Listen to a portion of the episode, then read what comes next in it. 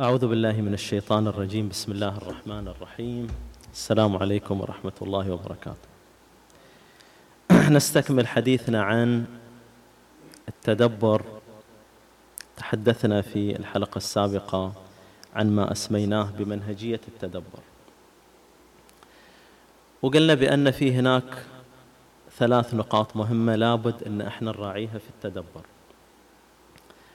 النقطة الأولى أن إحنا نتعامل مع كلام الله على أنه حديث الله والحديث يجب أن نفهم من خلاله غاية المتحدث. ثانيا أن نأخذ القرآن بشكل شمولي وأن نرجع القول بعضه لبعض. ثالثا ما أسميناه باتجاه التدبر يعني يجب أن نوجه الاتهام لأنفسنا لا أن نستخدم هذا القرآن كسلاح ضد الآخرين نستكمل حديثنا في هذا الموضوع تحت عنوان بوابة التدبر. وقبل البدء محتاجين إلى مقدمة بسيطة. فاعلية القرآن تظل مستمرة في جميع العصور. ما لم يتخذه الناس أساطير الأولين. في كل عصر له تأثيره وإله آه، قوته على النفوس. القرآن يواجه النفس بالحقائق. والنفس إما أن يكون منهجها هو التصحيح بناء على هذه الحقائق وإذا اتخذت هذا المنهج الله سبحانه وتعالى يفتح إليها أبواب الهدى. أو يكون منهجها هو منهج مقاومة هذه الحقائق بحيث أن هذه الحقائق لا تتهمها هي وإنما تتهم الآخر زي ما قلنا في موضوع اتجاه التدبر. المشكلة في القسم الآخر. إذا صارت النفس تقاوم حقائق الكتاب. الكتاب يعطي الحقيقة وما يعطي المجاملات إلى النفس. فالنفس إذا شافت حقائق الكتاب تلجأ إلى حديث آخر غير حديث الله. ويرخص عندها أحسن الحديث اللي هو كلام الله سبحانه وتعالى. إذا رخص حديث الله سبحانه وتعالى وأخذت حديث آخر تتم عملية الاستبدال بالتدريج. استبدال. أحسن الحديث بحديث آخر. هذا اللي تماما تتحدث عنه الآية التالية. أعوذ بالله من الشيطان الرجيم. بسم الله الرحمن الرحيم. أولئك الذين اشتروا الضلالة بالهدى فما ربحت تجارتهم وما كانوا مهتدين. لاحظ أن صار في عملية شراء. الله يسمي هذه عملية الاستبدال اللي تمت يسميها شراء وبيع. هو شراء إلى حديث في مقابل أن الإنسان قدم شيء آخر. قدم الشيء اللي زهد فيه قدم الشيء اللي رخصه وأخذ الشيء اللي هو يبغاه اللي نفسه تهواه. عملية الاستبدال هذه الله سبحانه وتعالى سماها تجارة. طيب هذه التجارة الآن لا يمكن لها أن تحصل ولا يمكن للإنسان أن يقدم على هذه الخطوة إلا إذا كان في قلبه مرض. لذلك الحديث في هذه الآية جاء ضمن الآيات اللي تحدثت عن مرض القلب. خلينا نقول أولا وش هو القلب قبل لا ندخل في مرض القلب؟ القلب هو أداة استقبال الحقائق. جهاز الاستقبال عند الإنسان هو القلب. إذا كان هذا الجهاز معطوب فالإنسان يرى الحقيقة مشوشة. وعشان يشوف الحقائق كما هي كما الله سبحانه وتعالى يبغاها لابد وأن يكون هذا القلب سليم من أي شائبة. هذا القلب المريض. وصل إلى هذه المرتبة مرتبة المرض. لأنه أول حاجة قام بعملية الاستبدال فكان هذا هو العقاب.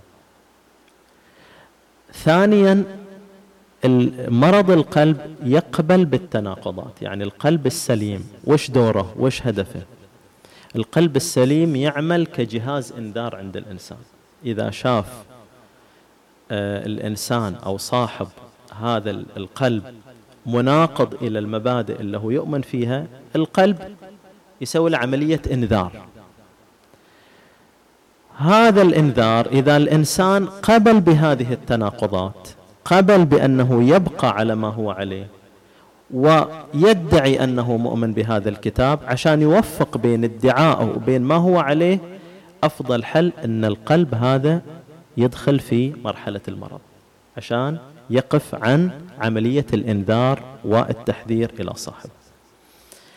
طيب إحنا يهمنا الآن من هذا الموضوع هو الدخول إلى الكتاب زي ما قلنا بوابة التدبر. الآية تقول هنا الذين اشتروا الضلالة بالهدى. اذا هنا عندي في بداية سورة البقرة تحذير مني أنا أدخل إلى الكتاب أو أدخل إلى التدبر بهذه الحالة. هذه الآية تحذرني من أن أدخل إلى التدبر بهذه المشكلة بهذه الخاصية. يعني كاني الآن عشان أدخل إذا قلنا في بوابة إلى التدبر في بوابة إلى الكتاب. قبل لا أبدأ في الدخول كأن واحد يقول لي إيش؟ أخلعنا عليك. خلينا نسمي البداية أخلعنا عليك. وش أقصد بأخلعنا عليك؟ أقصد أخلع عاداتك وتخلى عن آه، معتقدك في الأنا الصغرى والأنا الكبرى بما تعتقده من مكانة لهذه الأنا. آه، تنازل عن تزكية النفس وادخل في اتهام النفس. إذا قبل لا أدخل الباب أخلع النعلين عشان أدخل خلينا نقول بقلب طاهر هذا القلب يرى الأشياء بموضوعية ولا ينحاس. هذا اللي نبغى نوصل إليه. وين أجد بوابة التدبر؟ بوابة التدبر موجودة في بداية سورة البقرة. البداية حق سورة البقرة. بداية سورة البقرة قاعدة تعطي القواعد الأساسية كأن في البوابة نفسها في اشتراطات. تعال يلي تبغى تتدبر. تخلصت. خلعتنا عليك. تعال الآن حقق إلي هذه الضوابط. أولا بداية سورة البقرة تحط الهدف للتدبر هو أن الإنسان يحصل على الهدى. أنت ما جاي عشان تحصل على شيء آخر. أنت جاي تحصل على هذا الهدى. وخصصت إلي الهدى فقط إلى المتقين. وبعدين قالت لي المتقين عشان تصل إلى درجة المتقين لابد وأنك تحقق الاشتراطات. وش الشروط عندي؟ أول حاجة الإيمان بالغيب.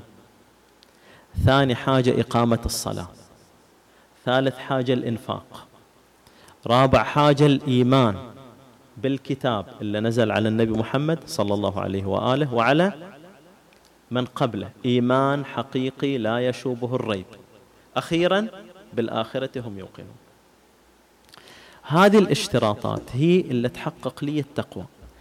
أي خلل في هذه الاشتراطات أي كذب على النفس في تحقق هذه الاشتراطات يدخل الإنسان مباشرة في مرض القلب. لذلك التكملة على هذه الآيات في الآيات اللي جت بعدها تكلمت عن الذين كفروا وبعدين قالت إنه ختم الله على قلوبهم. بعدين قالت ومن الناس من يقول آمنا بالله وباليوم الآخر وما هم بمؤمنين. إذا هذه مو جاية تعطيني تصنيف هذه جاية تعطيني تحذير أني أدخل إلى هذا الكتاب بإيمان ضعيف إيمان مهزوز.